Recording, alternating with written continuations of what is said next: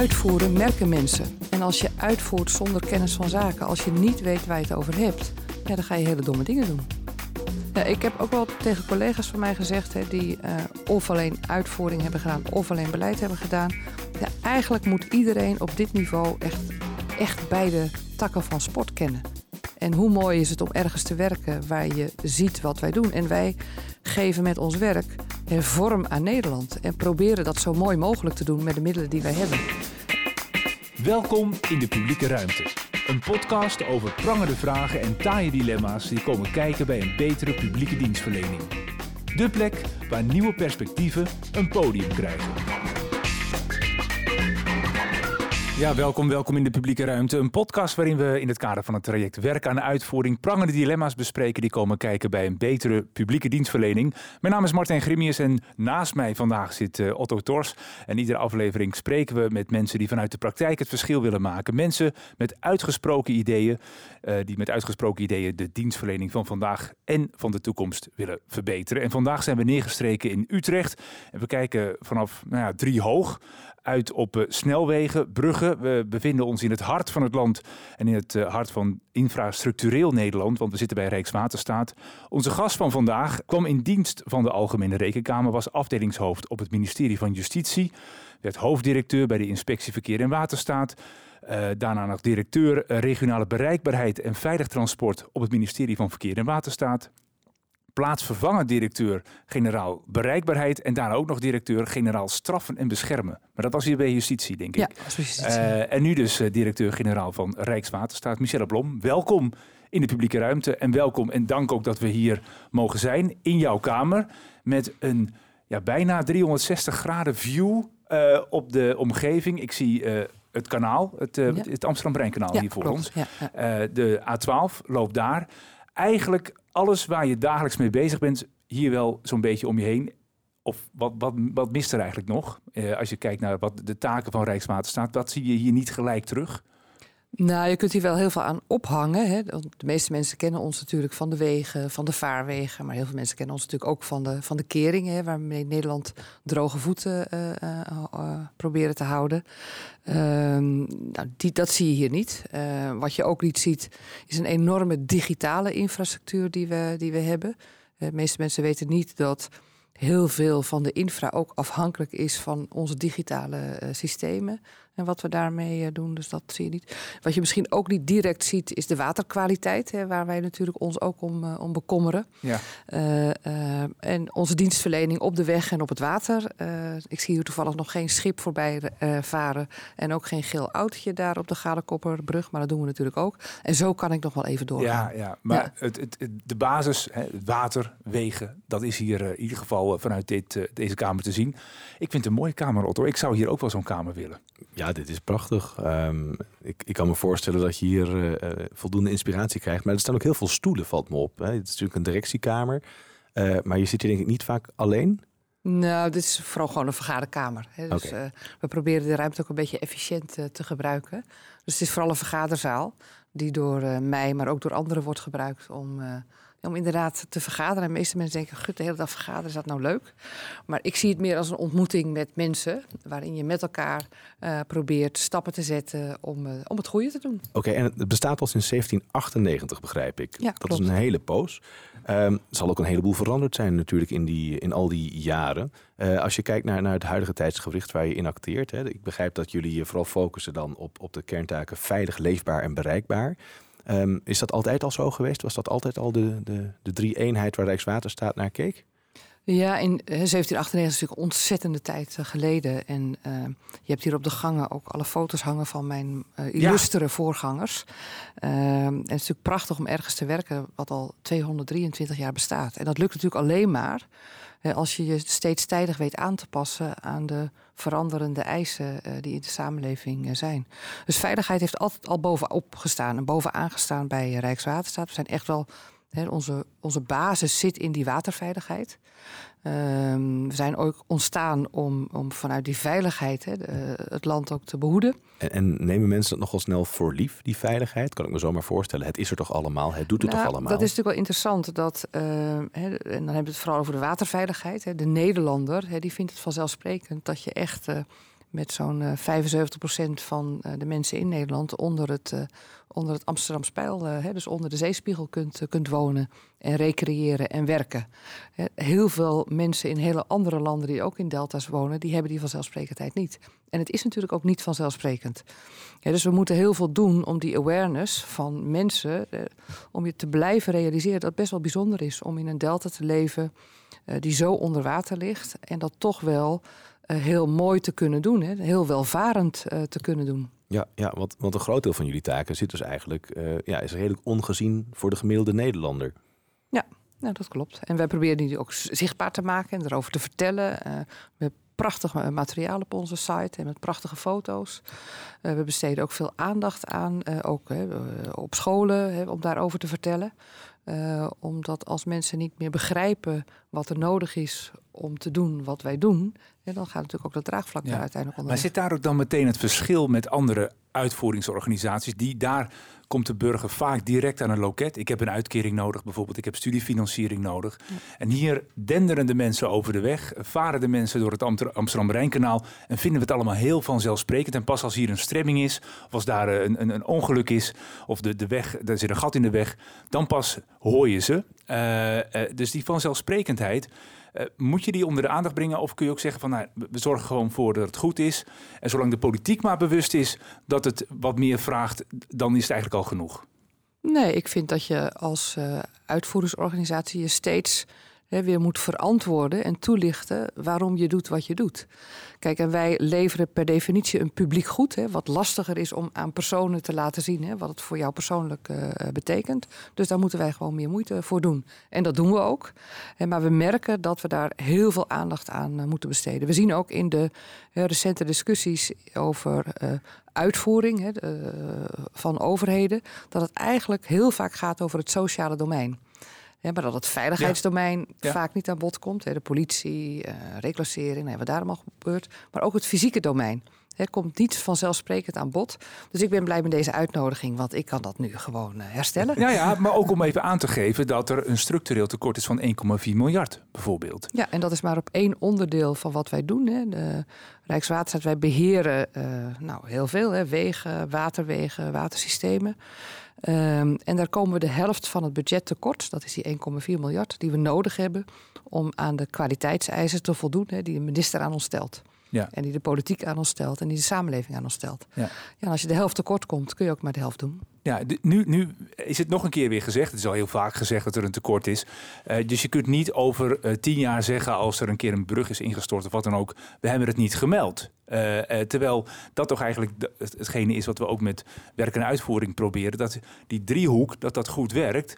Maar dat is toch toch ergens nu, lijkt het wel. Nou, kijk, wij hebben het gemeld. Het is dan de verantwoordelijkheid van de politici om daar besluiten over te nemen. En als die besluiten zijn, hè, het blijft wat het is, ja. nou, dan heb ik de belofte gedaan aan de minister. Wij zorgen voor de veiligheid. En dat betekent dat we dan bruggen gaan afsluiten. Dat betekent dat we rijstroken als het moet gaan afsluiten. Dat we lagere snelheden moeten gaan uh, rijden. Hè. Dat is de belofte die wij dan vanuit Rijkswaterstaat doen om die veiligheid wel voorop te houden. Ja. Ik zag trouwens allemaal mooie tegeltjes hier, eh, Otto. Heb je die ook gezien? Ja, ik, de basis van vertrouwen is kennis van zaken. Ja, ja. ja, ik kan er nog twee andere tegeltjes aan toevoegen. Uh, die gebruik ik ook vaak. En de ene is beleid zonder kennis is propaganda. En uh, uitvoeren zonder kennis is levensgevaarlijk. Ja, en, en zijn dat de stellingen uh, of de, de, de, de, de, de wijsheden die voortdurend... want eentje staat hier dus ook in, in de Kamer... maar zijn het de, de, de, de wijsheden die voortdurend... waar je voortdurend je, je eigen werk aan herijkt? Dat je kijkt van, uh, hoe, hoe doe ik dat nou? Ja, ja ik vind echt hè, dat je... Uh, kijk, uitvoeren merken mensen. En als je uitvoert zonder kennis van zaken... als je niet weet waar je het over hebt... ja, dan ga je hele domme dingen doen. dus je zult steeds ook kenbaar moeten maken... in het politieke gesprek en in het gesprek met beleid... wat je ervaringen zijn als uitvoerder... Uh, wat je ontdekt hebt of wat je al wist... en wat de consequenties ook zijn van bepaalde beleidsideeën zodat je ook kunt behoeden hè, voor, voor, voor fouten hè, die of heel veel gaan kosten, of niet uitvoerbaar zijn, of nou ja, noem maar op. En vind je daar dan een luisterend oor als je dat meldt, hè, richting beleid of richting politiek? Nou, de ene keer wel en de andere keer niet. Hè. Er, er, zijn natuurlijk voorbeelden uh, genoeg van waar je wel een luisterend oor vindt, en voorbeelden waar je niet een uh, luisterend uh, oor vindt. En um, Denk je dan bijvoorbeeld ook zelf naar hoe, hoe je dat verder kan beïnvloeden? Want ik kan me voorstellen dat jullie hier met, met bepaalde visies werken. Hè? Het is natuurlijk uh, lange termijn werk wat hier veel gebeurt. Dus dat is minder politiek sexy misschien. Het is niet de korte klap waar, waar men in de Tweede Kamer nog wel eens uh, op hoopt. Het is niet dat we morgen opeens een brug hebben of een waterweg. Dat, dat, daar gaat heel veel tijd overheen. Um, dus hoe kun je dat beïnvloeden? Dat er toch uh, voldoende begrip is voor dat verschil in snelheden tussen wat jullie hier doen en wat men daar bespreekt. Ja, door het te laten zien. Hè, dat, hè, wij, nodigen ook eh, Kamerleden uit om te laten zien wat wij doen. Hè, dus dat, dat, dat kan helpen. Um, we, we doen heel veel aan onze publieksvoorlichting om dat te laten zien. We, uh, we doen onderzoeken die we uh, maken en we praten daar natuurlijk over. Hè. Dat doen we niet alleen met de politici in Den Haag, maar ook met bestuurders in het land. Want de wegen hebben de neiging om toch over het platte vlak te lopen. Dus het is heel verstandig om dat met gemeenten, met provincies te delen, te laten zien uh, uh, wat wij weten, maar ook vooral te horen wat, wat zij aan kennis hebben, zodat je met elkaar betere plannen kunt maken. Kennis delen is belangrijk. Hoorden we trouwens een paar afleveringen terug van Alexander Pechtel. Dat uh, samen met een aantal andere collega-uitvoerders, waar volgens mij onder ook Rijkswaterstaat, Kamerleden waren uitgenodigd. En er was, hoeveel waren er nou? Eén? Twee aanmeldingen van één afzegging. En uiteindelijk geen. En uiteindelijk, geen dus. Ja. ja. Nee, dat is natuurlijk enorm teleurstellend. He, dan vraag je wel af, hoe, hoe krijg je als Kamerlid je kennis? Het is wel zo dat we uh, vanuit Rijkswaterstaat en ProRail ook wel in een technische hoorzitting met Kamerleden hebben kunnen praten over hè, wat is er aan de hand rondom beheer en onderhoud. Uh, wat zijn de tekorten? Uh, wat betekent dat? En hè, wat betekent dat voor mij als Kamerlid? Dus die gesprekken die hebben we wel gehad. En maar he, we hebben, hadden hen uitgenodigd om met een aantal uitvoeringsorganisaties die voor INW werken, hè, om daar te komen. En daar is inderdaad niemand ja. uh, gekomen. Zonder kennis geen vertrouwen. Zonder kennis wordt het levensgevaarlijk, heb ik je horen zeggen. Dus ja, Kamerleden, wees gewaarschuwd bij nou deze. ja, maar voel je ook vooral uitgenodigd. Ja. Hè, dus ehm, dat is het denk ik meer.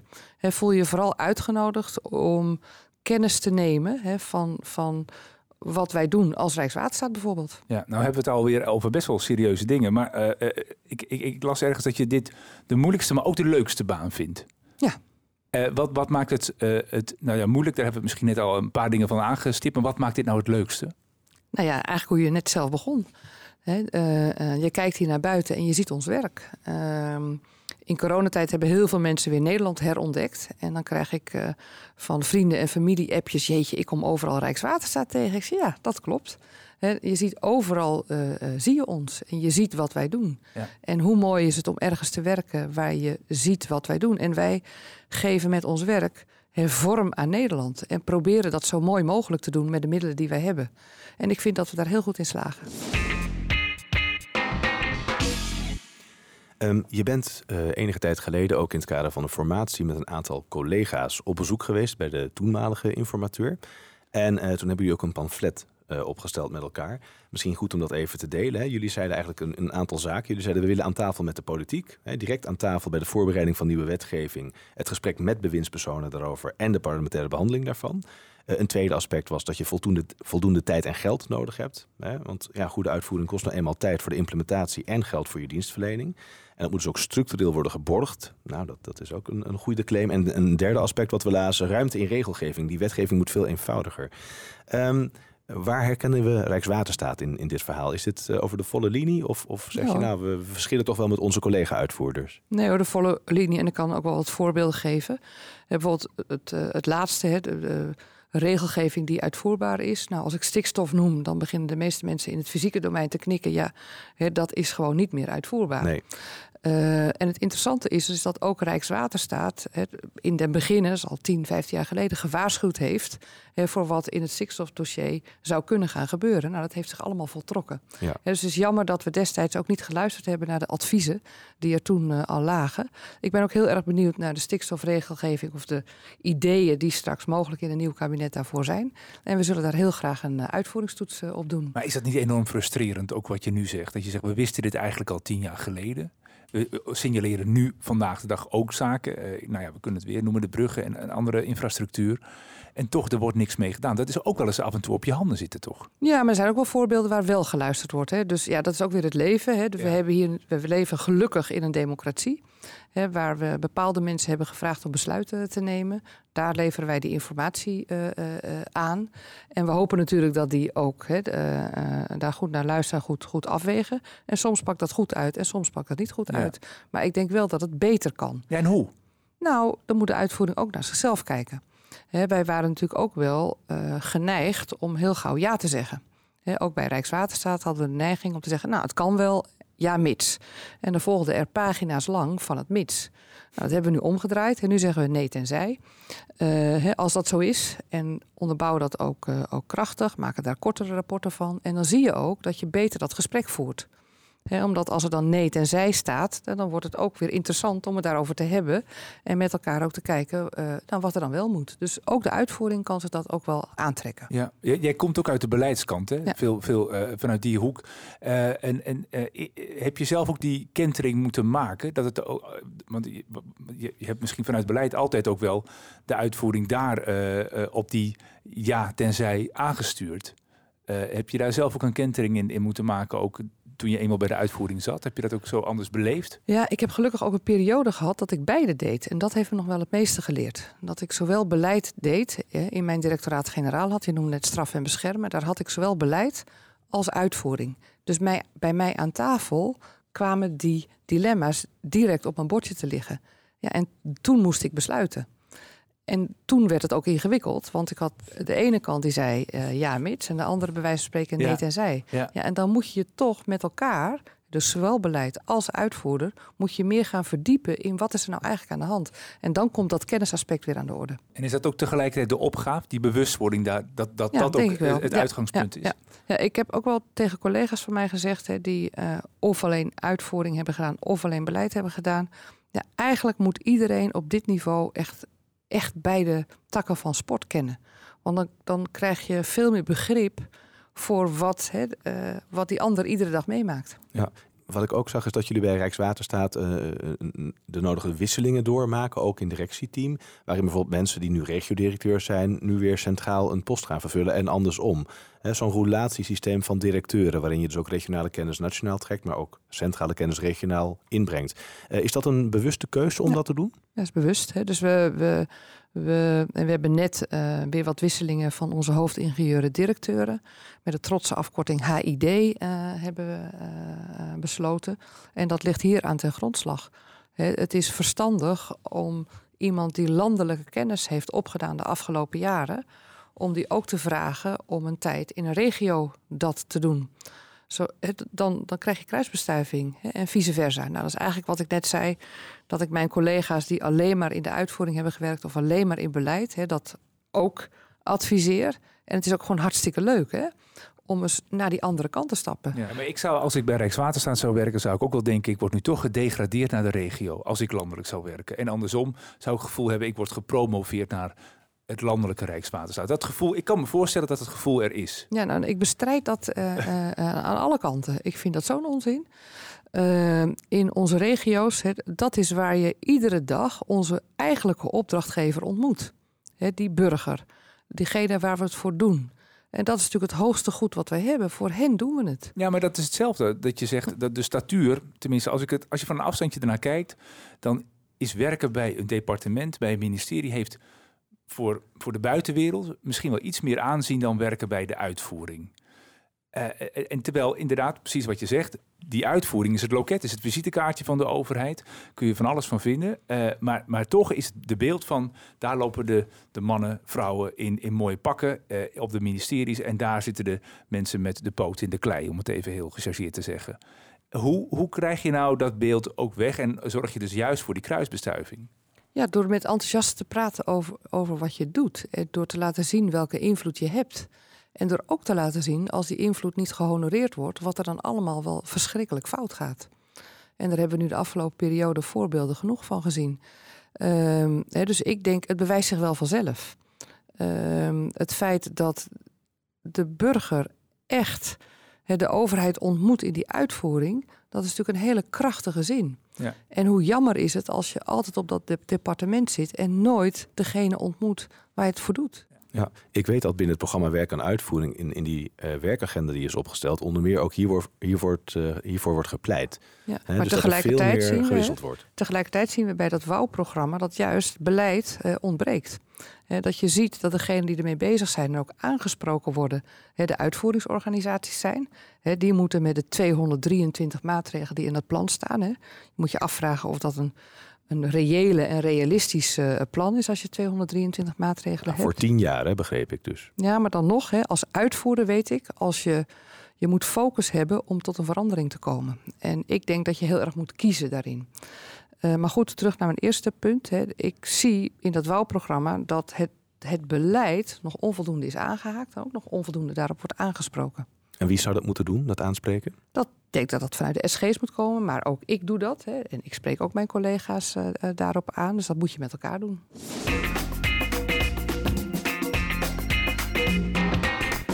Maaike Klip, zij doet al enkele jaren onderzoek naar de begripvolle ambtenaar. Ze maakte fotoportretten van haar collega's bij Duo en interviewde ze tegelijkertijd over de vraag: hoe kun je een begripvolle ambtenaar zijn? Ze hield er een blog over bij en in de publieke ruimte neemt ze ons iedere aflevering mee in een van de inzichten die ze heeft opgedaan. Dag Maaike. Ah, Martijn, Otto en Michelle. Ja, jij vindt dat juist ambtenaren die minder direct contact hebben met burgers begripvol moeten zijn. Leg, leg eens uit. Ja, toen ik begon met mijn research naar begrip bij de overheid, kreeg ik juist vaak te horen dat ik de verkeerde mensen betrok. Want ik moest bij de helpdesk zijn, bij het telefooncenter, bij ambtenaren die daadwerkelijk de burger spreken. Zij moeten begripvol zijn. Maar de systeemanalist, de hacktester, de ontwerper die digitale schermen maakt, of de beleidsmedewerkers die abstracte processen voorbereiden, nee, wat heeft begripvol zijn met hun werk te maken? Maar ik ontdekte juist dat deze mensen mede bepalend zijn voor hoe wetgeving in de werkelijkheid uitpakt. Zij bedenken de systemen, het beleid en de processen. En hoe abstracter je werk, hoe meer je ook denkt dat het gaat om dat systeem of dat proces. Dat is het stukje waar jij aan werkt. Uh, we weten dat techniek, maar ook beleid is niet neutraal. Je stopt onbewust stukjes van jezelf erin. Eigenlijk bij elke keuze die je maakt of voorbereidt voor een ander. Want op basis waarvan maak je die keuze? En dat wilde ik onderzoeken. Dus ik deed een experiment in de kantine van DUO, de dienst uitvoering onderwijs waar ik werkte. En ik vroeg collega's die aan de wet studiefinanciering meewerkten om mee te doen. En een deel van deze collega's hadden echt een super abstracte baan en hadden nooit te maken met studenten uh, zelf. Ik had ook een student meegenomen en een geel touw en ik vroeg mijn collega om aan te geven hoe hij of zij zich verbonden voelde, persoonlijk, met, nou ja, de student. Kijk, hier is hij.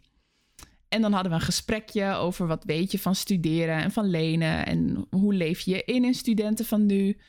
Um, en aan het einde vroegen we hoe vind je dat de relatie zou moeten zijn. Nou, en er was één collega bij en die legde toen het touw op de grond. Want hij vond het een beetje raar. En hoezo moet ik met een student verbonden zijn? En eigenlijk ging het hele gesprek ook een beetje gek. Um, en toen later luisterde ik het terug, want ik had opgenomen. En toen pas realiseerde ik me dat deze guy gewoon het hele experiment niet de link had gelegd dat wij hier in de kantine stonden met een student, omdat studenten onze grootste doelgroep zijn en we de wet studiefinanciering uitvoeren voor studenten. Hij was namelijk hacktester en zijn werk ging om de veiligheid van onze computersystemen. Wat er in die systemen gebeurde, ja, dat maakte verder eigenlijk niet zo heel veel uit om zijn werk te kunnen doen. Nou, dit was een van de ehm, experimenten. En ik merkte steeds vaker hoe abstracter je werk is, hoe moeilijker het is om te weten wat is nou de uitkomst van waar ik met mijn team, mijn afdeling of mijn organisatie aan werk. Wat maken wij mogelijk of onmogelijk in de maatschappij? En ik ben heel benieuwd hoe jullie gast van vandaag hier naar kijkt. Hoe weten collega's bij Rijkswaterstaat wat ze mogelijk of onmogelijk maken? En hoe zouden zij zich eigenlijk verbonden voelen met de burger? Nou, Maaike, ik ga het aan de vragen. Ik zie al wel geknikken bij Michelle Blom. Ja, nou, ik vind het een hele mooie, mooie vraag. En ook mooi hoe je dat uh, hebt uh, onderzocht. En ik moet zeggen, het is best moeilijk hè, om als je in je werk ondergedompeld raakt, hè, om dan um, wat wij hier noemen, hè, buiten voorop, om te blijven beseffen voor wie je het doet. Dus je, je, je kunt niet genoeg aandacht daaraan besteden. Uh, uh, bij Rijkswaterstaat hebben we een aantal jaar geleden, even als voorbeeld, een enorme reorganisatie gehad als gevolg van een bezuiniging. En toen is er ook is gekeken van hoe moeten we de organisatie inrichten. En daar zijn toen processen gedefinieerd waar mensen in processen gingen werken. En wat je zag was dat door die, door die gerichtheid op die processen eigenlijk buiten helemaal vergeten was. Dus mensen werkten wel in een proces, maar hadden steeds minder in de gaten voor wie ze het eigenlijk eh, deden. Dus dat hebben we weer van stal eh, gehaald uh, om die bewustwording weer te krijgen. En hoe doe je dat? Door het daar heel veel over te hebben. Door ons management, uh, die wordt in drie effecten getraind. Eén, dit is er één van. He, buiten voorop in al je beslissingen, gedragingen willen wij dat terugzien. In al je communicatie, door zelf het voorbeeld uh, daarin uh, te geven.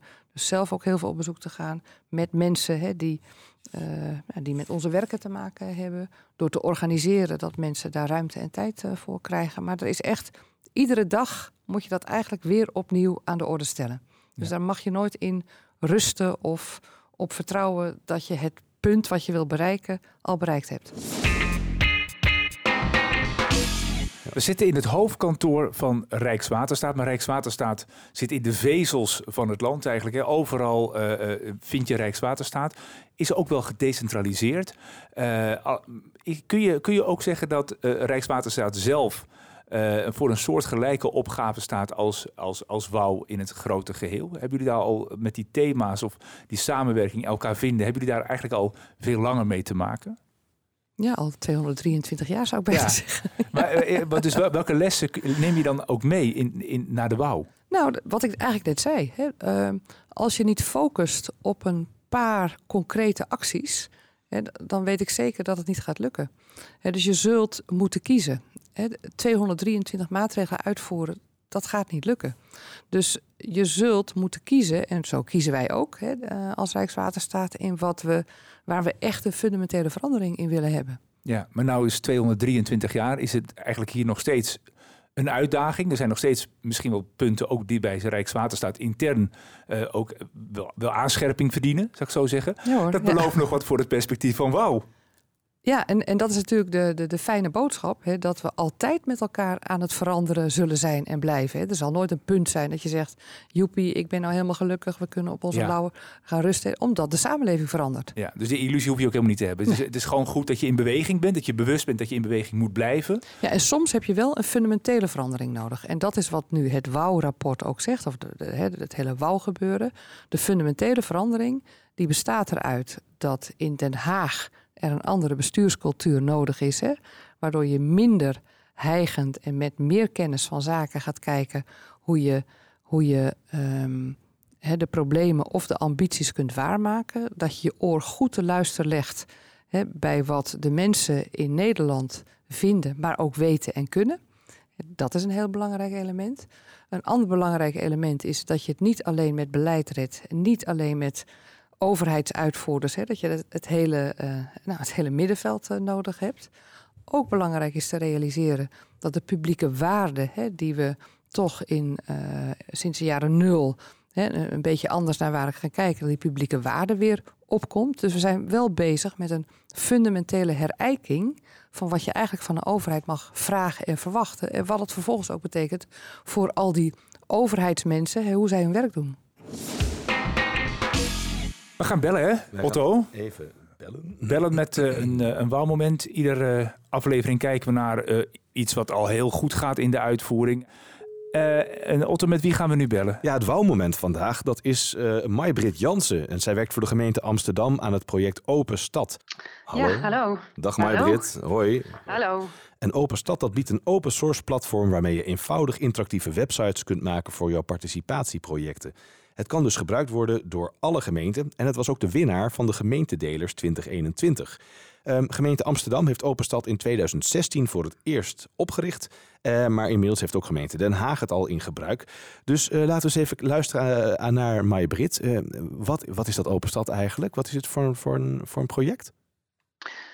Um, ja, je zei het eigenlijk net al. het, is een, het is een soort van dynamische websitebouwer waarbij je um, uh, een soort interactieve Lego-blokjes hebt. En je moet je denken aan mensen kunnen um, um, plannen opsturen, kunnen een discussie voeren, kunnen stemmen, kunnen begroten. en dat gebruiken we steeds opnieuw in allerlei projecten in de, in de organisatie. Dus het ondersteunt de participatieaanpak van Amsterdam? Absoluut. Maar is dat een voortdurende pijlstok die je daar, moet ik het zo zien, dat je daarmee dingen ophaalt? Ja, we doen het eigenlijk op maat in projecten. Dus wat er collega's komen naar ons toe. We hebben een kleine serviceorganisatie, een expertise team ingericht bij uh, het uh, Chief Technology Office. En daar kunnen, kunnen collega's met vragen over, goh, ik zou eens een tool willen gebruiken, komen. En die, dan kunnen we kijken in wat past in hun project. En dan ontzorgen we eigenlijk ook met die digitale tooling. Uh, en belangrijker eigenlijk is, uh, mijn collega in Den Haag, die noemde al, die noemt dit vaak het paard van Troje.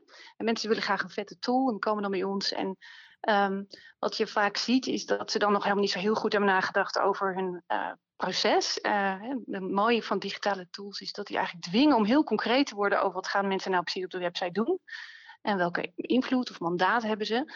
En de meeste van onze gesprekken gaan vooral over het inrichten van je participatieproces. Dus we helpen ook heel erg om die participatieprocessen in te richten. Um, Oké, en zijn mensen er altijd blij mee, zeg maar? Met, met, ze komen eigenlijk voor een tool en ze krijgen een totaal uh, adviestraject erachteraan, hoor ik je eigenlijk zeggen? Het is inderdaad de kunst om ze te verleiden om toch dingen te gaan doen die een beetje buiten hun routine vallen. Maar het leuke is dat het ook heel veel energie genereert. En uh, onze ervaring is uh, bijna altijd dat er, als je een participatieproces goed inricht, dan krijg je er ook heel veel van terug. Heb, je, heb, je daar, heb je daar voorbeelden van, van wat je nou terugkrijgt?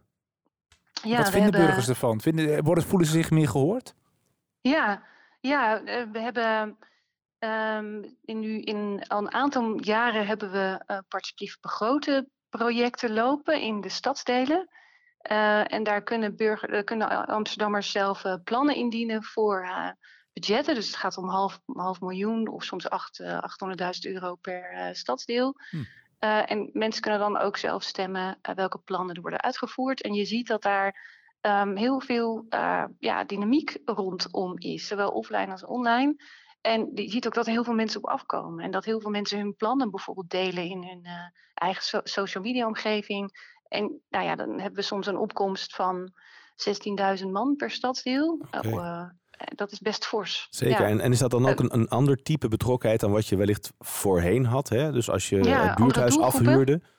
Zeker. Ook, uh, nou, alleen al als je kijkt naar uh, de hoeveelheid mensen die we bereiken, kan je sowieso vaststellen dat we meer mensen bereiken hè, dan de mensen die we normaal gesproken in, uh, in bewonersbijeenkomsten krijgen. Maar je, we weten ook uit onderzoek dat we echt ook een diversere doelgroep uh, uh, bereiken. Bijvoorbeeld um, in Stadsdeel West, waar we ooit begonnen zijn met die perspectieve grote tools, zie je dat er bijvoorbeeld uh, um, van de, dat de grootste doelgroep tussen de 29 en 40 jaar is. Oké, okay, en, en die, kwamen, de, die kwamen vroeger nooit zeg maar, naar die bakjes slappe koffie in het buurthuis? Nou, in ieder geval minder. Hè. De, de, de standaard is natuurlijk uh, grijs en, uh, en hoger opgeleid. En je ziet hier dat eigenlijk dat, je, dat het een gemeilleerde publiek is. Ja. Dus je ziet, ja, en ik, wat ik me ook nog afvroeg, hè, want uh, ja, het is uiteindelijk, mag je meebeslissen, meebepalen. Ik kan me voorstellen dat, dat mensen, Amsterdammers die hier aan meewerken, ook met de neus op, op dilemma's worden gedrukt. Dat ze uh, keuzes moeten maken, dat niet alles kan voor het bedrag dat ervoor staat. Is dat ook een meerwaarde die je dan meebrengt? Dat je daarmee laat zien van ja, je, kunt, je kunt geld maar één keer uitgeven? Ja, absoluut. Dat zit er ook in onze software ingebouwd. Hè. Mensen moeten dan een winkelmandje vullen met projecten voor een bepaald bedrag en niet alles kan. Dus dan moet je inderdaad een puzzel maken van wat vind je het belangrijkste. Ja. Dus dat is er eentje. En een, wat we ook doen bij uh, wat complexere openbare ruimteprojecten, laten we ook dilemma's uh, tegenover elkaar zien hè, of, of, keuzes. En dan kunnen mensen op basis van wat ze belangrijk vinden aangeven waar ze dan voor gaan. Hè. Bij, bij openbare ruimteprojecten zie je vaak dat mensen en uh, alle ruimte voor auto's willen. En ze heel, willen heel veel groen. En ze willen uh, fietsen. En, en, dat kan natuurlijk niet allemaal ingepast worden in de openbare ruimte. Dus ze bieden dan tools aan waarbij mensen gevoel krijgen bij dat soort dilemma's. Ala een keuzewijzer, een stemwijzer. Oh, ja. dat keuzewijzer. Dus Daar, ja, daar, laten we, dat, daar bieden digitale tools eigenlijk ook hele mooie mogelijkheden voor. Slim. En ik, ik begrijp dus ook dat inmiddels meer gemeenten gebruik maken van Open Stad. En dat komt onder meer, hè, wat ik lees, omdat het een open source oplossing is. Kortom, andere gemeenten of andere organisaties zelfs kunnen dit ook gebruiken. Gebeurt dat ook al? Ja, zeker. Ja, we hebben nu, uh, ik ben het tel even kwijt, maar ik, ik weet zeker 14 gemeenten die nu uh, bezig zijn met de Open Stad software. We hebben de provincie Noord-Holland, we hebben een uh, waterschap, we hebben bewoners in Amsterdam die daarmee aan, aan de slag zijn. Een woningbouwcorporatie is net live gegaan. Dus, dus je ziet eigenlijk dat het uh, provincie Zuid, uh, Noord, uh, Zuid-Holland, zei ik nu Zuid-Holland? Het was Noord-Holland trouwens. Nee, je zei Noord, dat ging goed. Oh, Oké. Okay. nou, Zuid-Holland gaat, gaat ook aan de slag. Dus je ziet, je ziet dat, er, ja, dat, het, dat het aanslaat. Nou, mooi. Dankjewel, uh, Brit. Michelle, ik zie jou knikken. Hoe, hoe beluister jij dit? Ja, en ik vind het uh, wel mooi voorbeeld van My Brit. Wij hebben in coronatijd, hè, hebben natuurlijk ook geleerd, dat moesten we op een andere manier doen. Normaal gesproken, hè, we hebben omgevingsmanagers, heten onze collega's, die dat werk doen, met iedereen aan de praat gaan over de trajecten die we hebben. Dat doen we normaal gesproken natuurlijk fysiek, maar ja, dat ging niet.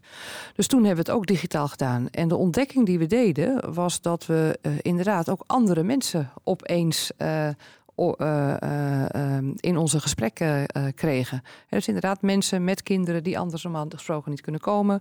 Of studenten die denken, nou ja, ik ga niet naar dat zaaltje met die koffie. Daar heb ik geen zin in. Maar die wel bereid zijn om even achter het web te kruipen en, en hun mening te geven. Dus dat is heel waardevol. En daar gaan we ook mee door. Oké. Ja. En ik kan me ook voorstellen bij, bij infrastructurele projecten dat niet iedereen in participatie altijd even vrolijk reageert. Hè? Dus mm -hmm. heb je nou ook veel ja, veel tegenwerking, juist door participatie te organiseren, dat je misschien een beetje je eigen weerstand mobiliseert? of is dat niet het geval?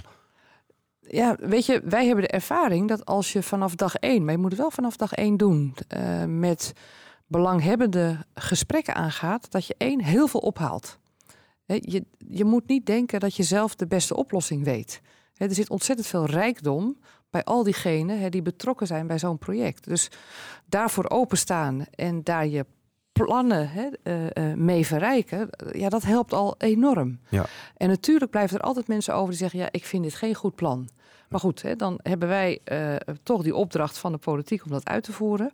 En als die opdracht zo blijft, dan voeren we dat ook uit. En dan proberen we zo goed mogelijk rekening te houden met die weerstand. Maar uiteindelijk hebben we wel een, een opdracht om uit te voeren. Ja. En les is wel dus vanaf het begin en niet uh, naar achter, bijna aan nee. het eind zeggen van... oh nee. ja, jullie mochten er ook nog nee, wat De les is vanaf dag één. En je moet ook wel heel duidelijk maken uh, wat, welke verwachtingen mensen kunnen hebben. Als wij de opdracht hebben om een weg aan te leggen, dan, ja, dan hebben wij die opdracht. En binnen dat kader kunnen mensen heel veel ideeën brengen en zijn we graag bereid om te luisteren. Michelle Blom, 223 jaar was het, hè? Rijkswaterstaat. Op naar springleven. Jaar, ja, ja, het springleven op naar uh, jaar 224.